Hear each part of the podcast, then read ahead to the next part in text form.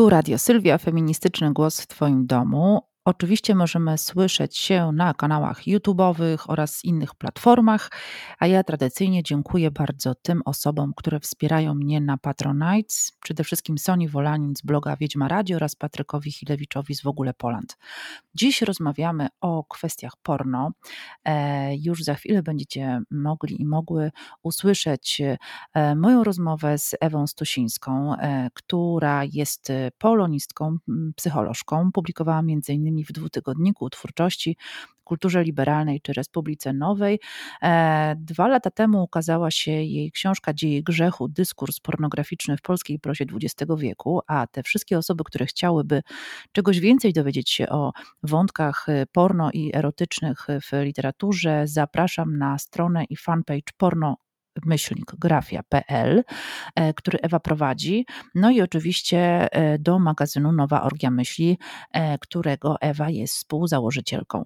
A my spotkałyśmy się w związku z jej nową książką pod tytułem Miła Robótka, Polskie Świerszczyki, Harlekiny i Porno z Satelity. Przyznam się, że bardzo spodobała mi się ta książka. Trochę reportaż, trochę opowieść o tym, jak Polska wyglądała i jak zmieniała się nasza obyczajowość. Zapraszam Was.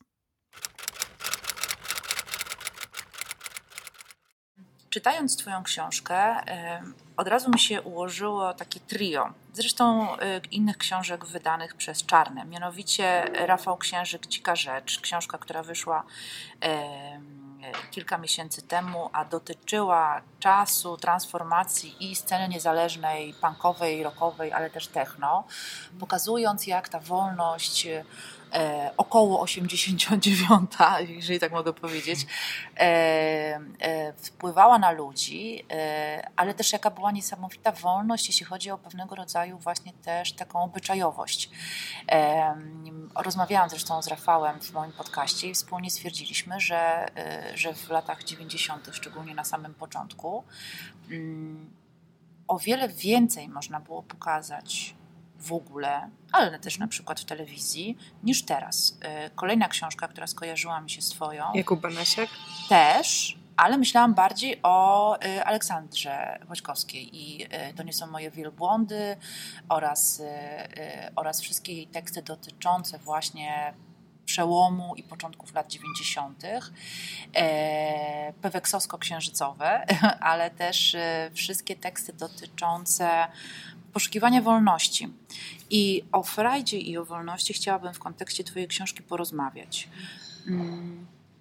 Chyba muszę zacząć od pytania najgłupszego, e, ale ja je czasem lubię, bo one są takie dziecięce, wiesz, na zasadzie y, w ostatnim rzędzie, przepraszam bardzo, ale o czym to jest? E, no więc zadam ją. E, ją. Ta wolność niby wychodzenia z postsocjalistycznego systemu politycznego mogłaby nam wyjaśnić wiele, ale dla mnie to jest wyjaśnienie zbyt małe. Co się takiego stało, że w czasach, które opisujesz, e, czyli przełom 80., 90. i później, ludzie tak bardzo chcieli mieć po prostu w życiu frajdę? Hmm trochę taka rakieta pytań, armata nawet A bym coś powiedziała. myślała, że gra wstępna. No ja myślałam, że będzie pytanko na zasadzie, Jak to się dlaczego interesujesz się pornografią i co doprowadziło cię do tej książki i tak dalej. Jak chcesz, to mogę je potem zadać, ale najpierw wolałabym od, tego, od tej grubej rury, bo ona mi jakoś... Wydaje mi się, że, że, że ja bardziej zrozumiem twoją książkę. Jaką ty masz na ten temat koncepcję? Skąd ta frajda i pożądanie jej? Mi się wydaje, że zmieniła się całkowicie rama, w której e, w 1989 roku się znaleźliśmy. To znaczy, do tej pory wmawiano społeczeństwu, że wszelka frywolność, rozwiązłość, e, wszelka taka frajda pozbawiona wyższych wartości jest skojarzona z, z Zachodem, jest e, zła, jest zdemoralizowana, zgniła i i jest stawiana w takim antagonizmie wobec e, systemu obowiązującego w Polsce przez kilka dekad. I w związku z tym tłumaczono szereg zakazów takich dotyczących codziennego dnia Polaków. Tych, e, tak tłumaczono wszystkie kolejki, braki, niedobory, szarość, e, siermiężność, toporność codzienności. Ale to było oczywiście w imię wyższych celów, jakiejś jakiejś równości, jakiejś sprawiedliwości społecznej, tych ideałów socjalizmu, które, które władza oczywiście miała na ustach, a niekoniecznie realizowała w życiu. I gdy zmieniła się narracja, gdy nagle Zachód stał się dostępny, e, dobry mm, i nie zgniły, ale właśnie upragniony, i wraz z nim wkroczyła, wkroczyło przyzwolenie na konsumpcję, to ta konsumpcja, która wybuchła, e, nie tylko wynikała z pewnego braku i niedoboru, ale również po prostu była czymś nowym. Ta dostępność, e, która, która nagle, ten nadmiar towarów, który pojawił się wszędzie, sprawiły, że, no, że wszyscy czuliśmy się trochę jak. Nie wiem, czy, czy, czy, czy w jakim, z jakich pokoleń ludzie słuchają podcastu, ale ja pamiętam swój pierwszy raz, jak znalazłam się w supermarkecie i przejście z takiego sklepu, w którym jest, są trzy rodzaje chipsów, do supermarketu, w którym jest cała ściana chipsów, to jest takie doznanie, że mi się śniło, że ja byłam zamknięta na noc w supermarkecie i mogłam próbować wszystkiego bez ograniczeń. Miałam sny na ten temat. Więc wyobrażam sobie, że każdy, kto przeszedł z takiej ekonomii braku ekonomii obfitości, był zagubiony. I to zagubienie powodowało często irracjonalne wybory, y, generowanie irracjonalnych potrzeb, czy nagromadzenie irracjonalnych towarów y, w sklepach, czy, e, czy w ofercie. Ale, no, ale ta wolność była po prostu wynikiem takiej gigantycznej zmiany. Teraz, mając wszystko dostępne, y, jesteśmy w stanie łatwiej selekcjonować, a wtedy brakowało takiej normy E, co jest dobre jakościowo, a co nie, co warto spróbować, a od czego dostaniemy rozwolnienia. E, I, i wydaje mi się, że po prostu ta, ta w dosyć krótkim czasie wprowadzona zmiana sprawiła, że zapanował chaos również w dziedzinie pragnień, potrzeb, wyborów, no i właśnie jakiejś takiej codziennej konsumpcji. Myślisz, że mimo tego chaosu były osoby, które mogłyby być, e, czy pełnić rolę wskazówek, co powinno się robić albo co warto e, zobaczyć czy skonsumować? Myślę tu już bardziej o rynku mm. porno. Szczerze mówiąc, nie wiem na ile mieliśmy e, w kraju osoby, które płynnie bywały w jednym i w drugim świecie wcześniej na tyle, żeby być wskazówkami dla pokoleń na początku lat 90. Myślę sobie o tym, że skoro nie byliśmy kompletnie przygotowani na wolny rynek i ta transformacja i model, który wybraliśmy, ta terapia szokowa, wynikała z tego, że nikt nie był wykształcony do tego, żeby mm, wytworzyć mm, jakiś alternatywny model polskiej drogi do kapitalizmu, bo my nie mieliśmy takiej wiedzy brakowało ekspertów y, ekonomicznych. To co dopiero myśleć o ekspertach w zakresie konsumpcji, czy codziennego życia, jakiegoś lifestyle'u, czy, czy czegoś. To się dopiero kształtowało, także wydaje mi się, że, że takich osób brakowało, a wiele historii, które słyszałam podczas pracy nad książką, wskazywały, że również osoby z bardzo wysokim kapitałem kulturowym ulegały tej aurze wyjątkowości pornografii, która teraz no, ma już określoną gębę i nikt się, nie, nikt się nie, nie przyznaje za bardzo do oglądania pornografii, a co dopiero osoby z pierwszych stron gazet, jak to się mówi, czy, czy, czy kojarzone z jakim, jakąś wyższą kulturą. A wtedy e, tych, tych wskazówek brakowało, także czołowi polscy intelektualiści pisali do Playboya, Hustlera, redagowali teksty, tłumaczyli harlekiny, e, często pod pseudonimami, ale często z imienia i nazwiska. I oni tworzyli też na początku rynek pornograficzny. Także to były całkowicie rozmyte hierarchie, e, obiegi. E, panowała wolna Amerykanka. Myślę sobie o tym i trudno mi nie porównywać y, takiego podejścia z czasami współczesnymi, gdzie y, klasizm chyba wydaje się być jeszcze bardziej taki dojmujący i te podziały są bardzo jasne. Wystarczy zobaczyć jakby w jaki sposób określane jest disco polo i z jaką pogardą niektóre grupy wyrażają się o, o artystach i artystkach tworzących właśnie taką muzykę.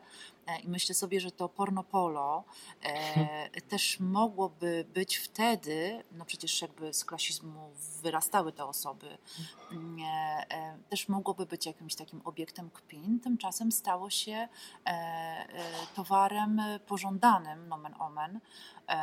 I jak to wyglądało, jeśli chodzi o kwestie rynkowe? Bo w Twojej książce opisujesz zarówno wciągający się w magnetowid kasety VHS, zaczytywane do granic możliwości harlekiny, porno satelity oraz wiele, wiele innych rzeczy. Czy ten rynek był tak rzeczywiście zróżnicowany, czy raczej właśnie rządziły tam, rządziło tam kilka osób?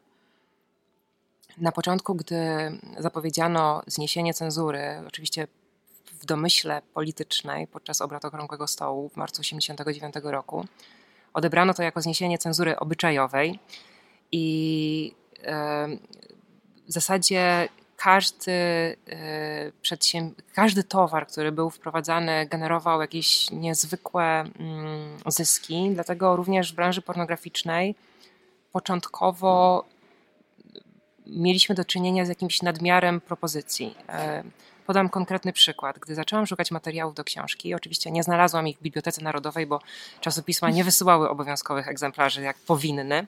Już sobie to wyobrażam, jak one by super tam wyglądały. Co prawda Wampa znalazłam i czytałam go w bardzo specyficznej sytuacji, ukrywając się gdzieś przy stanowisku z mikrofilmami i, i starając się nie, nie, nie wzbudzić e, nie, jakichś niezdrowych emocji wśród innych czytelników Biblioteki Narodowej. W każdym razie czasopisma nie wysyłały, biblioteka się nie dopominała, więc e, zaczęłam szukać na aukcjach magazynów. Mhm. Spodziewałam się, że znajdę tekst, o których słyszałam, czyli Ketsa, Twój Weekend, Playboya, Hustlera. Tymczasem okazało się, że w Polsce wychodziło około 80 magazynów. 80.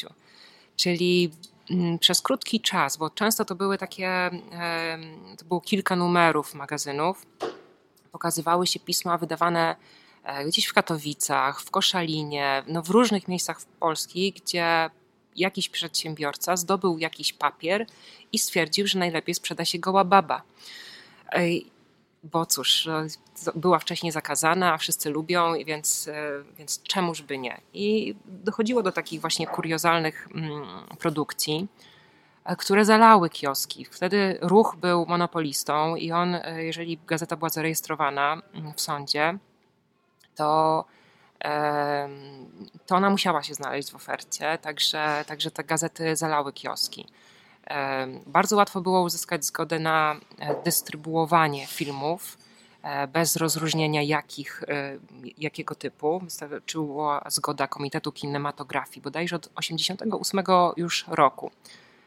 W tamtym czasie prawo autorskie nie było specjalnie regulowane, więc te kasety były po prostu najbardziej hamski sposób przegrywane, nagłaśniane. Często miały po trzy ścieżki dźwiękowe, czyli oryginalną, gdzieś rosyjską lub niemiecką, bo stamtąd zazwyczaj e, pochodziły filmy, plus polską. E, były oczywiście takie kasety, widziałam w jednej wypożyczalni z napisem, że film bez tłumaczenia, ale nie trzeba tłumaczyć, bo wszystkie dźwięki są jakby same mówią za siebie. Także Esperanto. język, tak, uniwersalny język. E, także dystrybutorów filmów pornograficznych ja się doliczyłam 45 samych filmów pornograficznych, natomiast e, bazowałam na dwóch wypożyczalniach kaset z Opola i z Jasła, takich e, mniejszych wypożyczalni, więc podejrzewam, że ich mogło być więcej. Także przez te pierwsze początkowe lata ten rynek był zalany ofertą pornograficzną. To jak Franek Kimono śpiewał pornofala. Rzeczywiście ten wybór był szalony i trudno było w jakikolwiek sposób selekcjonować te materiały. Można było naprawdę trafić na bardzo, bardzo kuriozalne treści. E, ta fala jest właściwie odzwierciedlona w Twojej książce, bo y, kiedy myślałam sobie, o co chciałabym się Ciebie zapytać, to wyszła mi lista przynajmniej 20 zagadnień, z których pewnie każde z nich y, wymagałoby pogłębienia i stanowiłoby oddzielny odcinek podcastu. E, ale chciałabym na pewno nawiązać do czegoś, co wydaje mi się jakimś takim never-ending story. W Polsce ta lekcja jest odrabiana bardzo różnie. E, ale i na Zachodzie e, w różny sposób się o tym mówiło, mianowicie o kwestii pornografii praw kobiet. Mhm. Feminizm myślę, że nigdy sobie z tytułową gołą babą nie radził i tak. albo cielesność wpychał w szufladkę zniewolenia, patriarchatu, mhm. kodu kreskowego, mhm. co zresztą jakby widać też choćby w dyskusji o pracownicach i pracownikach seksualnych. Z drugiej zaś strony myślę, że bardzo dużo jest też takiej, takich produkcji porno, które starają się wyjść poza sztampę e, przedstawiania kobiecego ciała, ale również poza sztampę nadużyć e, na rynku pornograficznym. E, jak sądzisz, gdybyś miała porównać e, czasy, które opisujesz, czyli no tak myślę lata 80., 90. i współczesne, e, czy ten rynek, myślę tu przede wszystkim o Polsce, się zmienia? Na przykład rynek kręcenia filmów, e, ale też w ogóle podejścia do kwestii kobiet i e, porno. Czy był inny? Czy był inny, lepszy, gorszy, albo mhm. co tam z prawami pracowniczymi na przykład, mhm. albo co z e, kwestią przemocy wobec kobiet? Też temat armata, mm. ale tak, po pierwsze ja w swojej książce nie poświęcam bardzo dużej uwadze kwestiom uprzedmiotowienia kobiet, czyli takiej jednej z dominujących mhm. narracji mm, przy dyskusji o pornografii, z tego powodu, że pierwsze mam wrażenie, że ten temat jest bardzo szeroko opisywany. Niekoniecznie może w przypadku rynku polskiego, ale on w ogóle nie jest specjalnie e, opisywany. Natomiast po prostu jeśli wpiszę hasło pornografia na Amazonie, to wyskakuje ponad tysiąc y, propozycji i zdecydowana większość dotyczy właśnie kwestii uprzedmiotowienia kobiet, tudzież wolności słowa, czyli jakby z głównego takiego zrębu dyskusji, jakie mm. druga fala feminizmu rozpoczęła i która w zasadzie, i które się w zasadzie nie skończyły do tej pory. I to mm, nie uważam, żeby to nie był ważny temat, natomiast mm, jest wiele rzeczy, o których mam wrażenie, się nie mówi. I dotykając polskiej branży pornograficznej, chciałam wspomnieć o szeregu innych kwestii, chociaż trochę tej kwestii uprzedmiotowienia kobiet dotykam. Natomiast na pytanie, mm, jaka była, e, jak to wyglądało w latach 90. w Polsce, mam wrażenie paradoksalnie, że było lepiej. To znaczy, z jednej strony, chociażby w słowniku pojawia się słowo seksizm po raz mm. pierwszy. Wcześniej nawet tego słowa nie było. Teresa Smułkowa rejestruje, że, um, że w języku pojawia się zarówno słowo sexy, jak i seksizm w bardzo podobnym momencie. Pojawia się porno, chociaż pornografia oczywiście była. E, pojawiają się te wszystkie pornogwiazdki, sekscesy, seksturystyka i tak dalej. Ale bardzo ciekawe jest to, że właśnie pojawia się seksizm. Mm, więc mm, to faktycznie y, jako problem zaczyna istnieć. Natomiast jak przeglądałam różne materiały wizualne z tamtego okresu, czy oglądałam kasety, czy przeglądałam magazyny pornograficzne, to po pierwsze ta pornografia w stosunku do tego, co znamy dzisiaj z jakichś pornhubów, była naprawdę lajtowa. To były pisma, które wychodziły, były zarejestrowane na konkretne osoby i którym groziły procesy za E, przekroczenie pewnych granic. To były treści, które dopiero w Polsce pojawiały się, jeszcze nie było wiadomo, na ile one są legalne, na ile nielegalne, więc to ryzyko było bardzo duże. E, to były treści, które były często bardzo oddolnie mm, przedstawiane, ponieważ rynek nie miał specjalnie kapitału, żeby e, tworzyć jakieś wielkie studia, skomplikowane narracje, wyobrażenia o seksualności i, mm, i podporządkowywać kobiety wizjom, które, które e, dojrzały rynek mógłby mieć i de facto teraz ma, tylko raczej bazowano na naturszczykach, bazowano na dobrej woli ludzi, którzy nagle pod wpływem poluzowania norm obyczajowych postanowili się gdzieś pokazywać, chcieli występować w magazynach, nadsyłali swoje zdjęcia, czasem za pieniądze, ale czasem po prostu, żeby się pokazać, żeby e, poznać nowe osoby. Więc e, mam wrażenie, że było w tym sporo dobrej woli, e, jakiejś takiej, nawet zaryzykowałabym stwierdzenie, takiej zdrowej, otwartej seksualności. Mm. Jeden z pierwszych filmów pornograficznych polskich, jaki powstał, Śląski Karnawał, nakręcony przez wydawnictwo Pink Press, powstał w ten sposób, że grupa mm, E, dwie pary ze Śląska plus czwórka ich znajomych, która miała w zwyczaju spotykanie się na takie seksparty domowe, postanowiła dać się nagrać. E, bo chcieli się pochwalić tym, co robią. Uważali, że to jest niezwykłe, fajne, entuzjastyczne, bardzo afirmujące e, jakąś wolność, swobodę. I oni zaprosili wydawnictwo. Operator mm, przyjechał, nagrał i ta kaseta była w sprzedaży. Teraz można znaleźć w internecie. Nie jest to może taka pornografia, która e, teraz.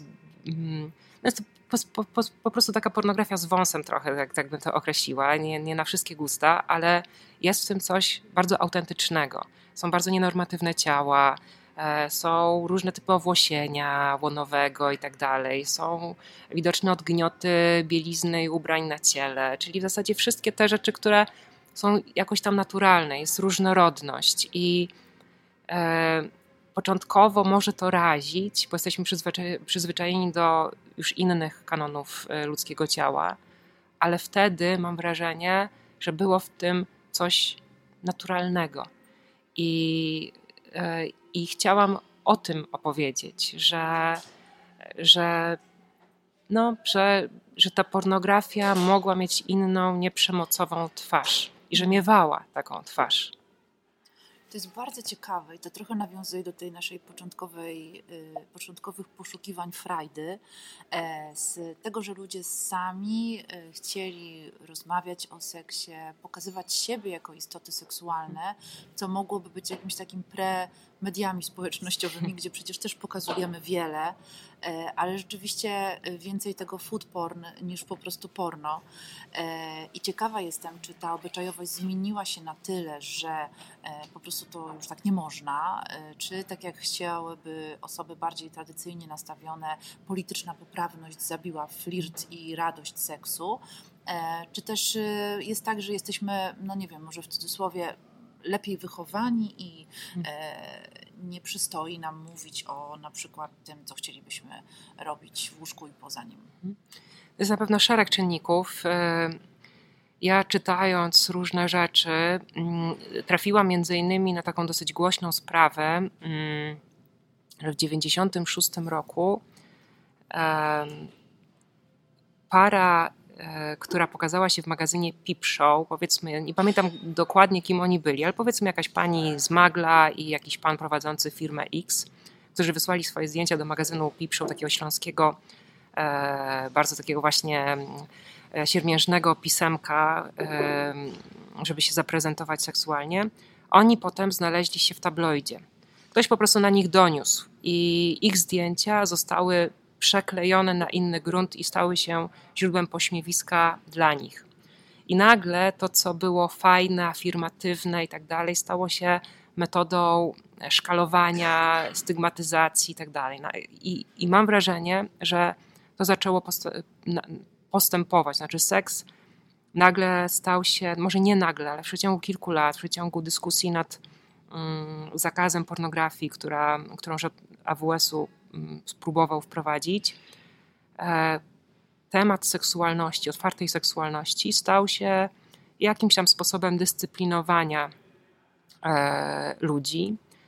I seksualność z biegiem lat zeszła do, e, do podziemia, to znaczy nie przyzna, samo stwierdzenie, że jest się istotą seksualną, że się uprawia seks, czy że się masturbuje, czy że się ogląda pornografię, już brzmi źle pomimo tego, że jest naturalne, jest czysto opisowe, jakby o niczym nie świadczy. Natomiast samo powiedzenie przez kogoś, że na przykład się masturbuje, jest nie do pomyślenia dzisiaj w, w, w dyskusji, w jakimś dyskursie dominującym. Także y, oczywiście y, możemy to zwalać na jakiś backlash y, konserwatywny, który się dzieje i mam tego świadomość. Aborcja jest tutaj jednym z przykładów. E, tabloidyzacja, która wybrała sobie ten temat, e, właśnie seksualności jako taki wdzięczny do, e, do, do śmiania się z ludzi. I szereg innych kwestii. Ta poprawność polityczna pewnie też, fakt, że seks stał się elementem polityki tożsamościowej i że należy o nim mówić bardzo uważając na, na to, żeby nie, nikogo nie skrzywdzić, nie, nie nazwać źle, że seks stał się w ogóle taki, czymś takim bardzo serio, mam wrażenie. Że to nie jest już tylko taka uciecha, zabawa, frywolność i tak tylko że seks jest czymś poważnym, jest elementem e, programów politycznych, praw e, e, mniejszości i, i oczywiście tego nie neguję. Natomiast w jakiś sposób to sprawiło, że braliśmy trochę wody w usta i trochę trudniej nam jest mówić w taki lekki sposób o seksualności. Seks jest po prostu bardzo traktowany na serio powiedziałaś o kwestii aborcji.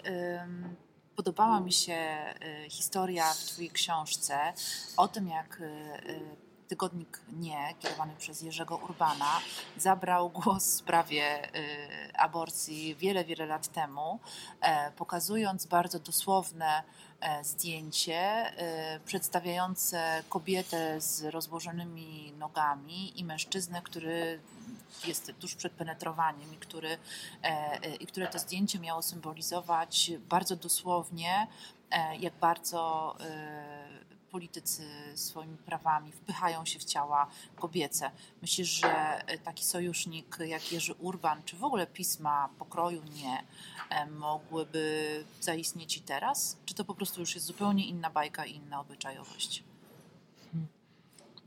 Ja mam wrażenie, że wtedy Urban e, nie był dla wszystkich wiarygodny i niekoniecznie kobiety chciały takiego sprzymierzeńca już wtedy, i pytanie, jaka była motywacja Urbana, czy po prostu był e, trolem trzeciej RP i e, wybrał głośny temat, czy chciał po prostu dołożyć władzy, czy mm, jakikolwiek inny powód. Nie wiem na ile to było serio, na ile chciał rzeczywiście bronić e, praw kobiet.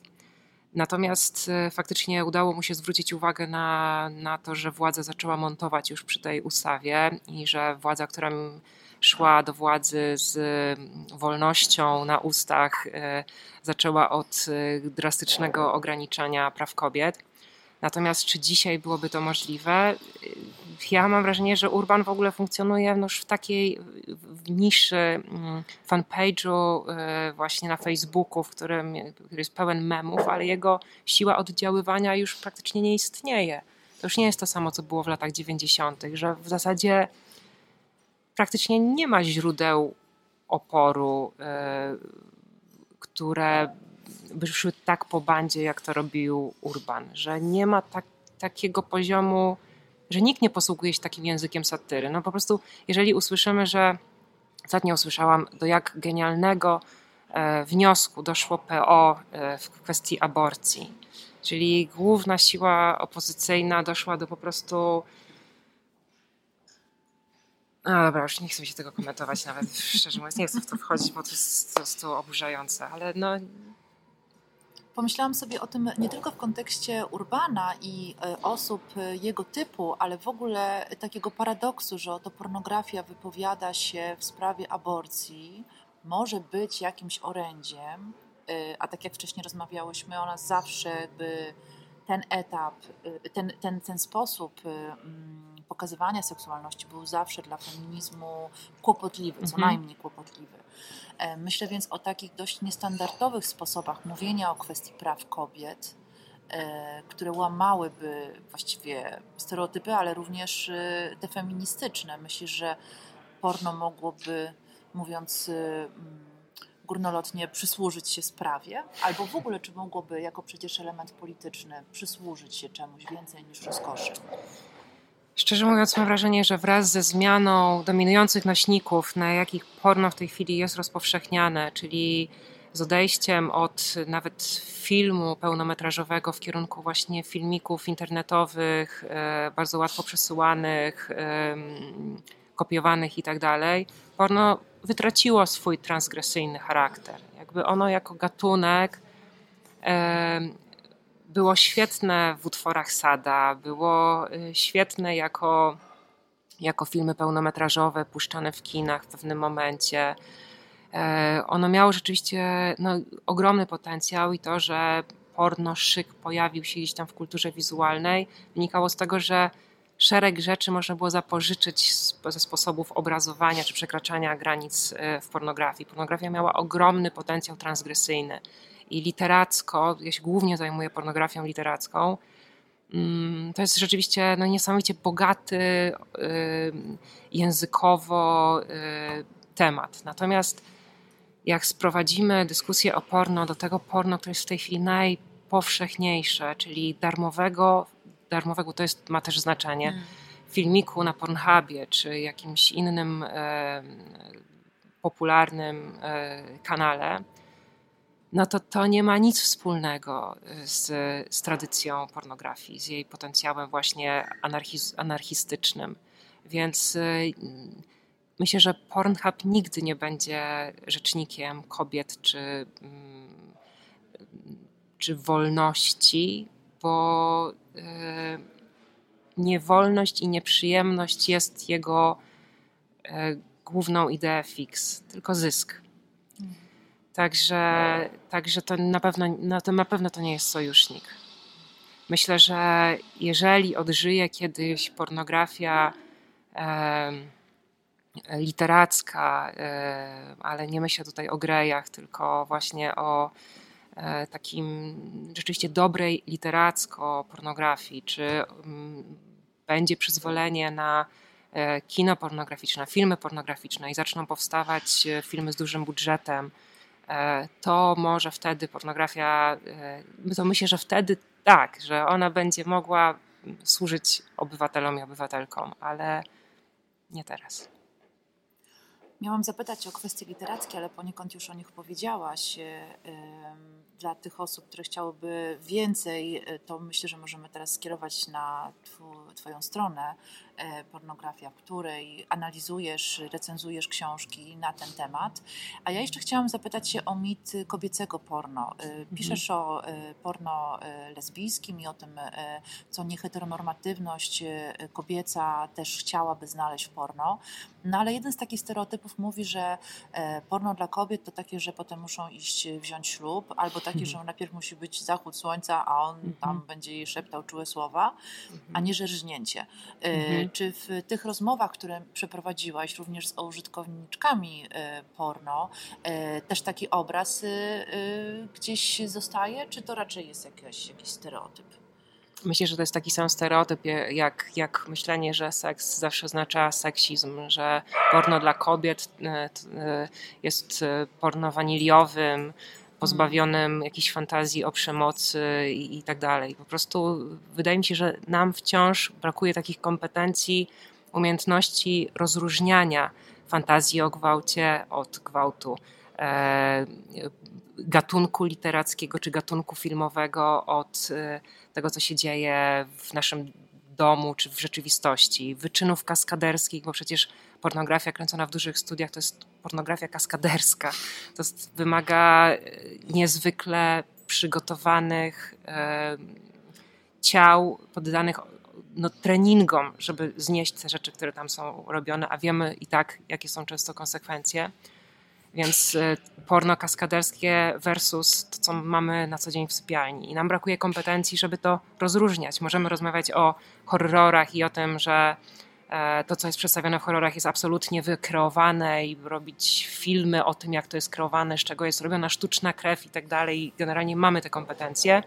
Natomiast w przypadku pornografii, o której się za dużo tak dobrze, merytorycznie nie mówi, tego brakuje. Także, e, także wracając do pytania o porno dla kobiet, ja mam tutaj dwie refleksje. Znaczy, jedna jest taka, że rzeczywiście e, nie ma tutaj żadnych ograniczeń e, dla fantazji i ono może być najróżniejsze.